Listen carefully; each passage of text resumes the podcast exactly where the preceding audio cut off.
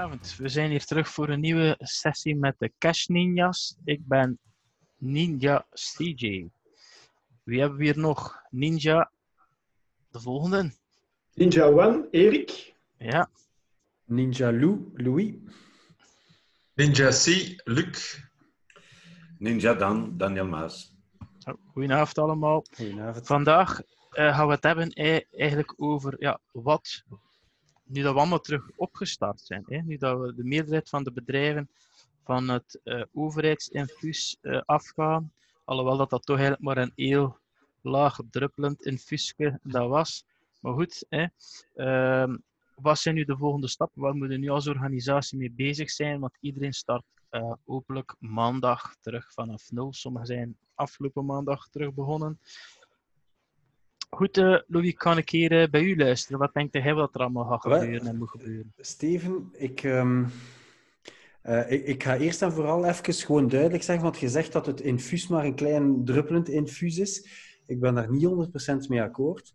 Eh, want eh, er zijn veel bedrijven die hun personeel grotendeels eh, of misschien volledig op technische werkloosheid gezet hebben.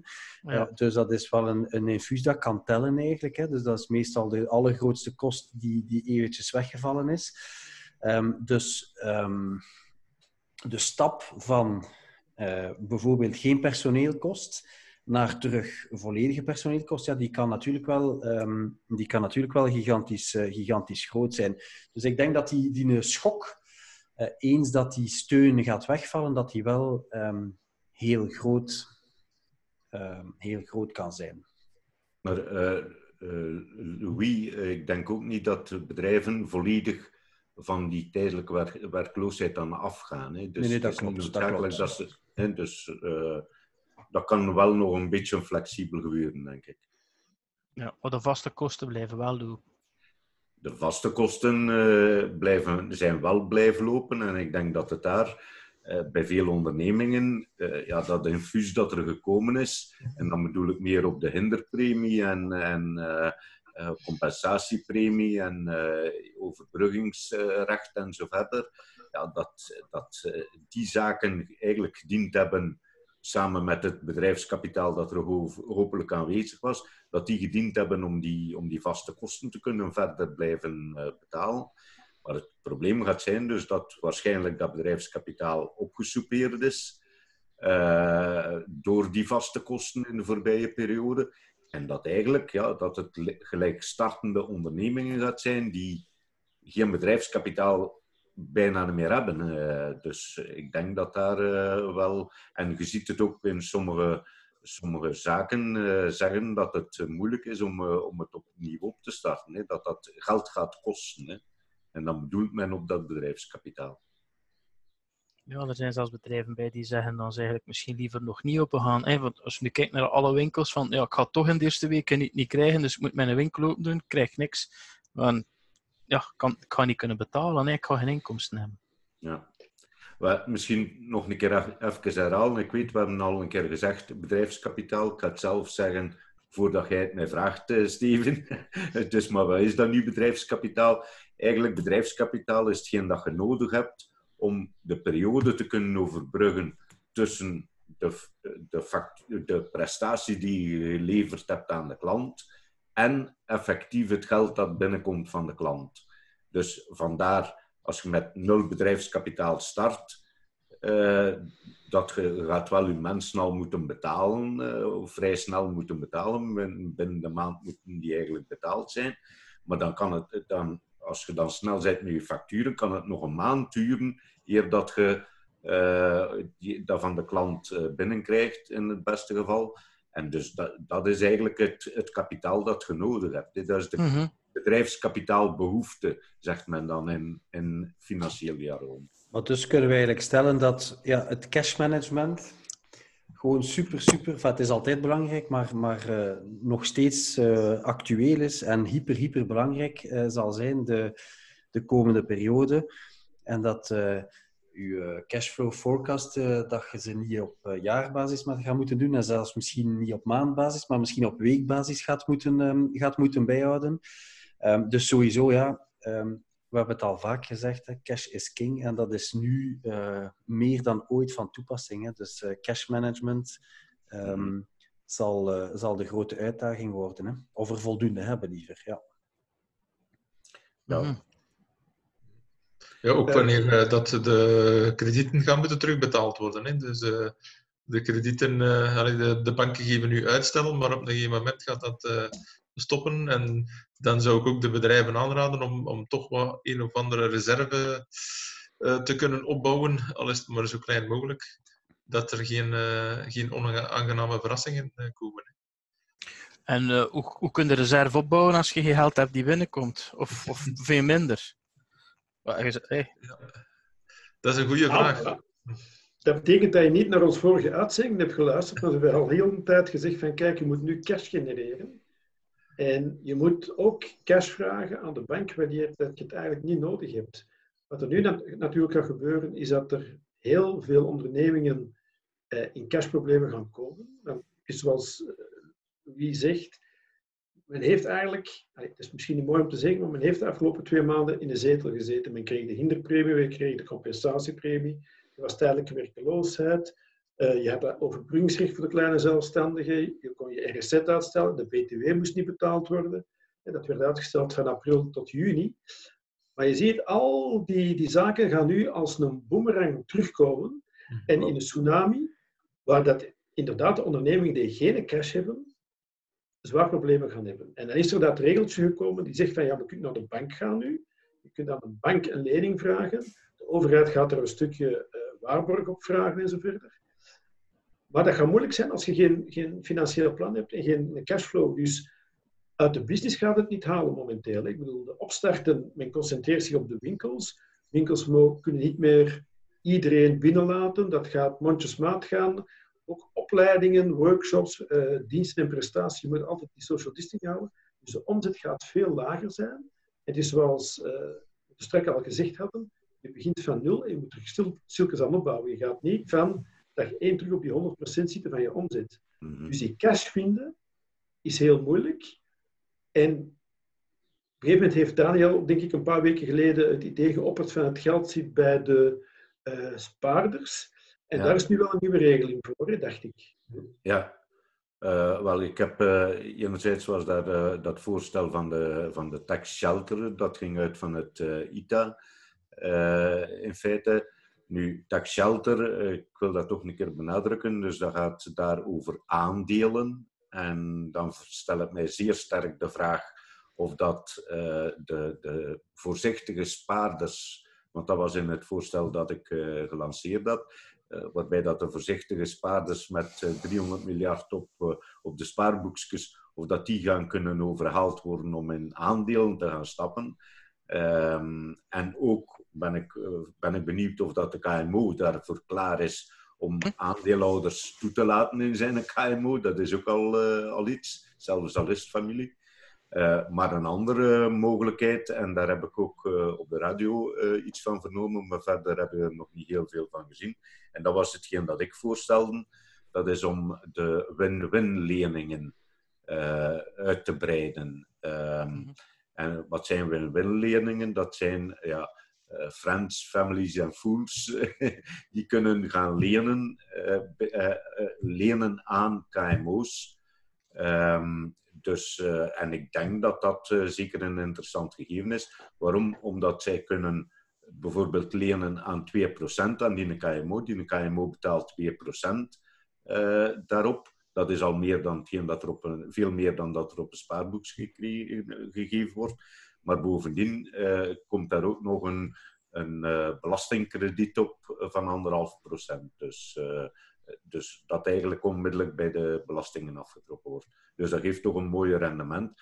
En als dat zou kunnen gekoppeld worden, dan zou dat in mijn voorstel verwerkt, met dan een kapitaalgarantie vanuit de overheid. Uh, dus dat zou een mooie zaak zijn. Nu heb ik begrepen dat die, die, sorry, nu heb begrepen dat die win-win-lening inderdaad uitgebreid wordt. Ik dacht dat minister Krevits had gezegd dat nu in plaats van 200.000 euro, dat 300.000 euro kan zijn per KMO. Ja. En dat de, hoe noemen ze het, uh, de garantie dat de overheid geeft, is dat dat verhoogd is van 30% naar 40%. Dus als de, de investering zou verloren gaan, kun je een belastingskrediet krijgen in je privébelastingen. ja. Ja, dat, is, dus, dat was al voorzien inderdaad. Dus die 30 procent. Uh, dus die wordt nu 40, hè? Pardon? Die, wordt nu 40, hè? Die wordt, uh, ik heb er nog niet echt teksten uh, van gezien, moet ik zeggen. Ik heb het wel gehoord op, op de radio dat het aangekondigd is, maar ik heb er nog niet echt teksten van gezien. Nu, mijn voorstel was om uh, daar bovenop die, want dat is ook onder de vorm van een belastingkrediet. Dus als, dat, als effectief die, die, die, die lening verloren zou gaan, als die KMO die niet terugbetaalt, dan krijgt men een belastingkrediet, dus dat in de, in de toekomst 40% zou zijn. Dus dat is al een waarborg. Krijgt, men krijgt het via de belastingen terug. Maar het, mijn voorstel was om, het, om daar bovenop een waarborg te geven, een, een, een, een echte waarborg voor het resterende saldo. Maar kijk, als een onkel een fabriek heeft en die hmm. komt vragen aan zijn broers en zussen en neven en nichten, zeg, kunnen mij even een beetje sponsoren? Ik weet niet hoe dat gaat verlopen, maar ik krijg zeker 40% terug. Ja, dat is een groot risico voor mensen die misschien... Maar goed, de boodschap is duidelijk. Allee, het is beter iets dan niets. Je moet eigenlijk op zoek gaan terug naar kapitaal, naar geld, om ja. uh, uw eerste noden te ledigen, om uw goederen aan te kopen, uw uh, ruwe materiaal, om uw eerste productiebadjes te doen, en dan om te, uh, uw personeel te betalen en te overbruggen totdat eigenlijk uw factuur betaald is. Ja, dat klopt. En, Erik heeft er ook aangehaald, maar we moeten niet vergeten, inderdaad, BTW is met twee maanden verleg, verlengd, dus de betalingstermijn.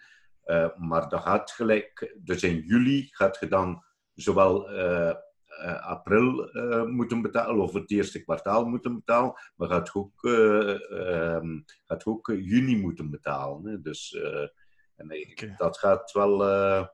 Een, dat zou wel een moeilijke dobber kunnen worden. Effectief, in, de, in, uw, in uw forecast dat je maakt en uw financieel plan dat je nu maakt, moet je effectief rekening gaan houden met de, de uitstellen van betaling eigenlijk. Hè? Want die komen er heel snel aan. Hè? Dus, en ja. dat, gaan, dat gaan zware maanden worden. Um, want het is, het is, niet alleen BTW, het is ook bedrijfsvoorheffing enzovoort. Dus dat is ook, eh, dat is ook maar twee maanden uitstel, dacht ik. Hè. Dus, um... Ja, En ik zou ook, bij. Hmm. Ik zou nog een keer willen teruggrijpen naar hetgeen dat je er straks zegt, uh, Louis, en ik vind het toch wel uh, heel belangrijk. Uh, dus inderdaad, je gaat eigenlijk ja, bijna naar een, een wekelijkse cashflow uh, moeten, of je kaspositie moeten gaan bekijken en welke facturen dat moeten betaald worden. En dat deed mij onmiddellijk herinneren. Ik heb dat in een vorige crisismanagementopdracht gehad, of in de vorige crisismanagementopdrachten. Ja, dan ging ik eigenlijk inderdaad wekelijks gaan kijken, wat is er deze week binnengekomen, wat, welke facturen moet ik gaan betalen, uh, wat kan ik betalen, wat kan ik niet betalen. En dan heb ik dat ook onder een, ja, een, eerlijke verdeelsleutel. Want het is gemakkelijk om te zeggen, ja, de leveranciers die tars aan troepen zijn, ja, die ga ik eerst betalen en dan, dan, dat ik van hun gezaag vanaf ben. Dan, dan geraakt je automatisch in problemen met anderen. Dus ja. je moet daar, en we hebben het ook al gezegd, je moet daar in, in een eerlijke communicatie met je leveranciers gaan zeggen, en kijk, ik, zal, ik ga betalen zoveel als dat kan, wil ik betalen. Maar het mhm. zal niet allemaal in één keer zijn. Ik heb er ook ervaring mee, hè, Daniel. Mijn vrouw kijkt altijd wat er op de rekening komt en ik kijk altijd wat er van de rekening gaat. En, ja, is, en ik hoor hier, hier naast mijn zoon al lachen tot hier. Ja, maar de, de, de, de, financi de financiële huishouding eh, van een, eh, van een gezin, eh, in die zin verschilt dat niet zoveel mee, uh, met dat van een bedrijf. Ja, maar ik denk ook dat je langs de kant van die... we hebben daar al in een vorige podcast hebben we daar ook al over gesproken. Hè? Dus communicatie, communicatie, communicatie. Absoluut. Maar ik denk misschien, dat, dan denk ik nog iets verder, dat het misschien ook interessant is van uw leverancier te gaan segmenteren op um, belangrijkheid voor uw business eigenlijk. Dus met andere woorden, dat je toch uw echt absoluut noodzakelijke leveranciers, die je absoluut nodig hebt om je core business te doen draaien eigenlijk, dat je die toch probeert voor te trekken als het echt moeilijk wordt. Ja, inderdaad. Of minstens goed communiceert. Hè? Ja, voilà, absoluut. Dat, ja. dat je communiceert, dat je afspraken maakt en dat je zeker die afspraken nakomt. In mhm. heel veel gevallen uh, is het zo dat wanneer mensen in, of ondernemers in problemen komen, die slaan toe, die communiceren niet meer en die wachten bang af. Ik denk dat nu een moment is gekomen dat je uh, communiceert, dat je duidelijke afspraken maakt om te zeggen van ik betaal dan, dan en dan. En dat je ook betaalt en niet met alle redenen komt om niet te betalen. En ik denk dat dat terug de opbouw is, heel voorzichtig opbouw van vertrouwen met elkaar. Want ik denk dat op deze moment, alles wat je hebt opgebouwd in het verleden, is verdwenen. Hè? Vertrouwen is weg. Je, weet ook, je kunt eigenlijk niet meer iets beloven. Dus, maar je moet voorzichtig zijn en de zaken beloven ook doen. Ja, ah, dat vind ik een belangrijke, Erik. Effectief, als je dan beloftes maakt, ja, dan moet je er zeker van zijn dat je die kunt nakomen eigenlijk. Hè. En um, dat vind ik een superbelangrijke eigenlijk. Dus, maar het is daarom dat het belangrijk is dat we die, die, cash, die cashflows uh, echt van week tot week gaan, uh, gaan bijhouden, dat we, dat we zeker zijn dat we, uh, dat we beloftes kunnen nakomen. Want effectief, zoals dat gezegd, Erik, het vertrouwen is weg. Je maakt beloftes, maar als geen keer belofte niet nakomt, ja, dan, ja, dan wordt het heel moeilijk hè? Dus, om vertrouwen terug te krijgen. Nu, er zijn al oproepen geweest van Unizo, denk ik, uh, ook zo van, begin maar niet meer direct elkaar te vervolgen en wanbetalingen te, uh, claims te doen voor mensen die te laat betalen. Er wordt toch een beetje gevraagd ook om, uh, om redelijk te zijn aan elkaar. Er is ook al een initiatief van, van de minister van Justitie over. Hè. Dus er is ook al een mortuarium gesteld op gerechtelijke reorganisaties en op, uh, uh, op faillissementen. Dus, uh, en op uh, mogelijke invorderingen, tenzij dat frauduleus is natuurlijk. Mm -hmm. Dus frauduleus bankroet zal wel nog door de rechtbanken vervolgd worden. Maar de anderen, omwille van de corona, zullen mm -hmm. ja, voorzichtig behandeld worden, laat ons zo zeggen. Well, nu, wel iets gehoord deze morgen op de radio, maar dat ging over de privé, voor de particuliere bescherming tegen schuldeisers. Maar ik weet niet of dat er voor de bedrijven ook al zo een initiatief gelanceerd is. Er, zit, er is. Ik weet niet hoe ver dat staat, maar er is alleszins een initiatief van de minister van, van Justitie daarover. Mm -hmm. Nu, misschien ook nog eh, een tip, wat dat ik er juist ook aan dacht. Uh, ja, sommige zaken kunnen ook uh, in de toekomst gespreid worden. Hè. Gelijk bijvoorbeeld ja, een verzekering, dat, wordt, dat is een jaar, meestal een jaar vooruit betaald. Uh, maar verzekeringen kun je ook vragen van, ja, van maandelijks te betalen. Hè. Dat kan ook mm een nuttig instrument zijn om nu in deze, in deze moeilijke tijden te zeggen, ja kijk, spreid die aan uw makelaar aan te spreken en Desnoods betaalt je iets meer, een bijpremie of, of whatever. Uh, maar beter dat eh, dan, dan nu een jaar te moeten gaan vooruitbetalen. Mm -hmm. Ja, dat klopt. Dus je moet uh, verstandig omgaan met die cash. En het is zoals uh, Daniel zegt, je moet inderdaad nu niet gaan voor je paar procenten winst dat je maakt met iets sneller te betalen. maar zorgen dat je je betaling gespreider kunt maken. En bijvoorbeeld ook terugstap naar BTW en RSZ. Want vergeet in al onze discussies federale maatregelen, die dus niet zo in het zicht lopen dan wat we allemaal kennen met die hinderpremie en die overbruggingsrechten enzovoort. Maar als je momenteel een vraag doet naar eh, BTW, naar vennootschapsbelasting, naar RSZ om je schulden uh, af te betalen op zes maanden, gaan zij zeer snel uh, daarop ingaan. Ik heb al zelf voor een, een vijftal klanten, zowel voor BTW, bijzondere rekening als gewone rekening, uitstel gevraagd voor zes maanden. En eigenlijk elke keer heb ik binnen de 24 uur daar een positief antwoord op gekregen. Mhm. Dus zelfs als je het zou kunnen betalen momenteel, en ik kijk dan opnieuw naar, naar Louis, wat hij gezegd heeft, cash is king. Wij moeten nu ons cash zoveel mogelijk bijhouden. Dus alles wat je kunt spreiden, moet je eigenlijk gaan spreiden. En beter vandaag dan morgen. Ja. Mm Ik maak ook graag van de gelegenheid gebruik uh, van, van een klein beetje eh, publiciteit te maken voor mijn topic van de 15x15 sessies van, die Ubion gaat uh, organiseren. Maar ik denk, dus uh, mijn topic gaat over crisismanagement, maar ik denk dat het in ieder bedrijf, in iedere KMO, crisismanagement zal zijn. Financieel crisismanagement. Dus ik, misschien ook voor de andere onderwerpen wel belangrijk, want ik denk Louis en Luc geven daar ook, en ook Steven geven daar een, een sessie over. Ik denk dat het uh, heel uh, interessant kan zijn. Inderdaad, dat is waar. Dus samengevat, uh, je moet zicht krijgen op je kaststromen. Wat komt er binnen, wat gaat er buiten? En niet het moment van de, van de factuur, maar het moment uh, dat je betaald wordt en moet betalen. En dan, je moet op zoek gaan, indien dat nodig is, naar extra kapitaal. Dus je hebt, hebt daarvoor een, een cashplan nodig, of een businessplan, zeg je. Kun je kort een keer zeggen wat een ondernemer daar dan allemaal moet voor doen? Want ja, je kunt dat wel zeggen wat ze moeten doen, maar ja, hoe ziet dat eruit? Op zich uh, is dat eigenlijk vrij simpel. Je moet eigenlijk al je in, cash inflows proberen gaan uh, detecteren. Dus uh, ja, gewoon gaan kijken wat komt er allemaal binnen, welke facturen gaan er betaald worden. Um, al het inkomende geld gaan um, uh, gaan oplijsten en uh, al uw uitgaande geldstromen gaan, uh, gaan in kaart brengen. Hè.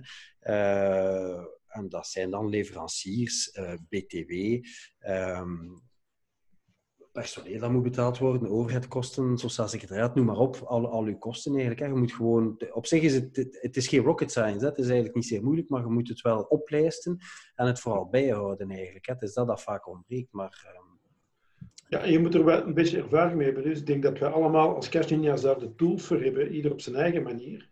Maar het is echt denken aan alles en ook kijken naar de opportuniteiten. Het is niet alleen het oplijsten van je instromen en uitstromen, maar ook kijken naar die opportuniteiten, zoals ik de juist heb vernoemd. De BTW, zoals Daniel de juist heeft vernoemd, die, die, uh, die uh, verzekeringen, die je meestal één keer per jaar betaalt omdat je er vanaf bent. Nee, nu zou je die maandelijks moeten betalen. Dus die zegt, één, je cashstroom bekijken, al je kaststromen. En dan erop mhm. gaan werken. Dus je gaat eigenlijk op twee mhm. zaken moeten gaan werken. Op je business mhm. en op je cash. En dat gaat voor veel mensen vernieuwend zijn. Maar je moet dus wel een inschatting maken van de inkomsten die je gaat kunnen genereren. En je gaat naar de bank en je vraagt een krediet. Je zult die ook moeten een vertrouwen winnen dat je plan niet, dan ze bij ons in Eeklo, waar ik vanaf kom, zeg, met haken en ogen aan elkaar hangt. Nu, dus dat dat toch ergens een beetje gefundeerd is. Maar, dat, dat, maar dat, dat verandert op zich niet ten opzichte van een, eh, een normale situatie. Als je naar een bank gaat om geld te vragen, gaat je altijd ja, een gefundeerd plan Ook je met haken en ogen niet ver. Nee. Ik denk dat het ook belangrijk is om te zeggen, je mocht dat ook niet uh, optimistisch gaan uh, inschatten, want uh, we hebben het al gezegd, ja, iedereen zit in hetzelfde schuitje. Dus ook uw klanten. Hè. Dus je kunt wel denken, uw betalingscondities zijn bijvoorbeeld op 30 dagen, maar die klanten zouden dat misschien ook moeilijk hebben om opnieuw op te mhm. starten. Hè. En die gaan dan misschien ook komen vragen van, ja, ik kan niet alles ineens uh, gaan betalen. Uh, kunnen we dat niet mhm. spreiden? Dus dat moet, dus moet goed kunnen. Dus maar, de vraag... maar ik denk dat daarvoor ook belangrijk is, sorry dat ik u even onderbreek, Steven, om die inflow, eh, inkomende cashflows is van dan, het is misschien een moment eigenlijk van een krediet management op te zetten eigenlijk. Of van daar een bepaalde structuur aan gaan op te zetten. Um, we zijn daar net communiceren met je leveranciers, maar misschien ook met je klanten. Hè. Bel je klanten dan op voor te kijken, voilà. voor te vragen, ja, gaat je betalen? Wanneer gaat je betalen? Hoeveel? Um, als je die informatie, als je niet zeker bent over die informatie, ja, dan moet je die gewoon gaan mhm. opzoeken of gaan opvragen. Hè. Dat, uh, dat dacht ik net te zeggen, moet dat pro proactief doen. Hè? Dus, uh, uh, en en met, een, met een bepaalde ja, empathie. Mm -hmm. En dat zal niet moeilijk zijn, want je zit zelf in die probleem. Maar het is beter dat je nu tegen je klant zegt van oké, okay, betaal dan 50%, ik zeg nu maar iets, betaal dan 50% onmiddellijk en, en 14 dagen later de andere 50%, dan dat je niets krijgt en dat je op, die, op de volle 100% 14 dagen of een maand moet wachten. Hè. Het is, is, mhm belangrijk van het nu binnen te krijgen. Nu, moest ik een bankier zijn, denk ik, zou ik ook vragen, en wat ga je doen als er een wave 2 komt? Hè? Uh, hoe zit je daar eigenlijk op voorzien? En heb je dat eigenlijk al ingeschat? Hè? Want je kunt misschien je beste scenario en je slechtste scenario. Maar zou ik toch wel willen vragen, want het zou misschien voor sommige ondernemingen wel nog een keer kunnen tegenvallen als het na de zomer terug misschien wat meer quarantaine terug is. Ja, dat klopt. Maar ik denk dat je er weinig, allez, weinig mee kunt doen dan je worst scenario en je best scenario maken. Ik ja. En een, een cashflow-planning opmaken.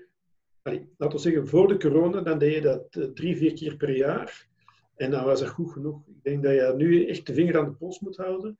En dat uh, bijna wekelijks, twee wekelijks moet gaan doen. Om te zeggen van, kijk, wat is nu geweest? En onmiddellijk gaan bijsturen. Omdat een van de fenomenen van de Vlaamse ondernemer is die werkt graag.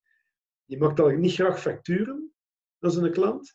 En achter het geld aan zitten, dat is niet echt uh, wat een Vlaming graag doet. En Nederlander is er veel sterker in.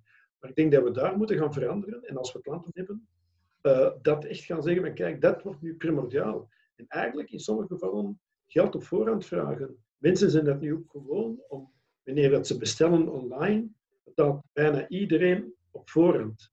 Dus die, die stemming is veranderd tegen vroeger. En ik denk dat je dat als ondernemer in deze eerste week dat je opstart ook zou moeten doen. Of toch minstens een deel op voorhand moet vragen om je opstart te kunnen financieren. Mhm, mhm. Ik, ik, denk ook, uh, ik denk ook dat je dat met een bepaalde assertiviteit, ik zeg niet agressiviteit, ik zeg een bepaalde assertiviteit. Ik zou bijvoorbeeld vragen, ja, meneer de bankier, uh, waar staat uw glazen bol? Ik weet, ik, ik heb jij de, de eerste golf van de coronacrisis zien aankomen, ik niet, misschien jij wel. Dus eh, vragen over een tweede golf, ja, en, en daar scenario's op gaan maken, ja, dat is... Hey, dat gaat mij een beetje te ver. Persoonlijk, ja. hè? Nee, maar Steven, heb jij ook geen klant die gespecialiseerd is in kredietopvolging? Uh, ja, in uh, minderlijke opvolging, in minderlijke invordering. Dus die, die voorziet dat zijn uh, werk gaat toenemen, zeker in de komende weken en maanden. Eigenlijk, ja. En is dat een advies dat we zouden moeten geven naar iedereen? Om te zeggen van, als je niet gewoon bent achter je kerst te gaan, gebruikt zo'n onderneming? Of zou je het nog eerder zelf zeker, doen? Zeker weten, want ik denk wat dat veel eh, ondernemers niet weten, is dat als je dat eigenlijk goed aanpakt, dat u dat eigenlijk niet zoveel help uh, kan, allez, hoeft te kosten om zo'n dienstverlener in huis te halen. Hè. Uh, want als jij je voorwaarden goed opstelt, is de kost eigenlijk al gedekt voor, voor zo'n uh, ja, incassokantoor, laten we dan toch maar zeggen. Hè. Ik denk, ah, dat ook, ik denk dat ook veel ondernemers dat niet graag doen, achter hun eigen facturen gaan zitten. Ja, ja. Inderdaad kan het interessant zijn van dat uit te besteden. Mhm. En ik denk ook uh, vragen uh, als je strategische of als je klant bent waar je strategisch een product aan, of dienst aanlevert, moet het al eerder een product zijn, uh, die er kan voor zorgen dat hun productie ook stilvalt, ook al is dat maar een klein gedeelte. Als dat een bedrijf is die bijvoorbeeld in een sector zit die een beetje geniet van, want het zijn ook bedrijven die er voordeel uithalen uit de coronacrisis, uh, ja, dat gaan ook gerust vragen als zij u een lening willen geven. Hè. Soms willen ze dat eigenlijk ook wel doen. Hè. En dan, dat is dus breder dan alleen maar je factuur betalen. Maar zeg van, oké, je bent voor ons zo belangrijk in de ketting. We weten dat je een gezond bedrijf bent. En je moet uh, een overbrugging hebben als ze zelf cash hebben, kunnen ze dat ook doen. Dus je kunt dat ook wel vragen. Hè. Het zal niet zo gemakkelijk zijn voor elke ondernemer te koer, maar ik denk ja, voor sommige ondernemers is dat een optie. Een soort van voorafbetaling wil je zeggen dan? Nee, een, een lening echt. Ja. als je aan, aan de farmaceutische industrie uh, levert en uh, je hebt, hebt hebt niet kunnen werken, hebt grote opstartkosten, mhm. zeggen van, uh, ik zeg nu bijvoorbeeld, Janssens Farmaceutica, zeg ja, kunnen mij niet een bepaald bedrag uh, lenen of voorschieten, inderdaad. En dan misschien, terwijl dat je afneemt, zo betalen we dan met je factuur, mhm. whatever, uh, hoe, hoe, dat is. Maar dat je ook iets op die manier kunt regelen. Hè. Je moet niet altijd kijken uh, naar banken, maar ook soms waar je strategisch sterk zit. Hè. Want de mensen zijn al heel creatief geweest ook tijdens de coronacrisis. Hè. Ze zijn online gaan verkopen. Misschien dat is inderdaad ook op financieel gebied wat uh, creatief kunnen zijn, zoals elkaar te gaan lenen. Ja, dus maar, maar, ik vind, uh, Luc, ik vind een uh, zeer interessante opmerking van u. Trouwens, ze zijn nu gewoon, inderdaad, wat je zegt, online. Maar online is cash onmiddellijk, hè? Ah, ja. In de meeste gevallen. Hè? En dat is, dat is een, een zeer interessante tip om, waarom niet bij, bij veel klanten, minstens met voorschotten te gaan werken. Oké. Okay. Goed, dus we hebben heel veel inspirerende ideeën terug opgedaan. Het komt erop neer dat we moeten maken dat we zicht hebben op de stromen, dat we een goed onderbouwd plan moeten hebben en dat we dat regelmatig moeten uh, opbouwen. En dan kunnen we misschien de volgende keer er toch wel wat dieper op ingaan, hoe dat je dat een beetje aanpakt en hoe dat, dat in elkaar zit. En daarmee, denk ik, kunnen we weer terug een sessie neerleggen. Hè. Shaka! Shaka!